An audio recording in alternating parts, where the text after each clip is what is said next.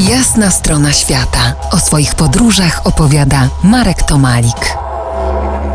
Wracamy do Melbourne, najprzyjaźniejszej metropolii świata. Podobnie jak w Krakowie bije tam kulturalne serce kraju. Po pierwsze, to właśnie tam narodziła się australijska kinematografia. Przypomnę, że Gang Kelego, taki australijski Janosik, był pierwszym pełnometrażowym filmem fabularnym nie tylko w Australii, nawet na świecie. Co jeszcze? Melbourne to miasto literatury UNESCO, Międzynarodowe Centrum Malarstwa i, uwaga, miejsce narodzin australijskich stylów tanecznych. Znacie na przykład Melbourne Shuffle albo New Vogue? Z kim powinniśmy kojarzyć Melbourne? No, na pewno z Kylie Minogue, Nickiem Cave'em, Hugo Reisem, zespołami Men at Work, Crowded House, Dead Can Dance, Gautier, czy z pisarką Joan Lindsay autorką pikniku pod wieszącą skałą.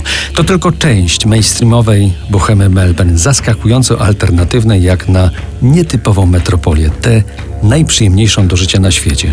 Kolejnym plusem jest świetna edukacja. W rankingu najprężniejszych ośrodków uniwersyteckich świata Melbourne z dziesięcioma uniwersytetami plasuje się na czwartym po Londynie, Bostonie i Tokio miejscu.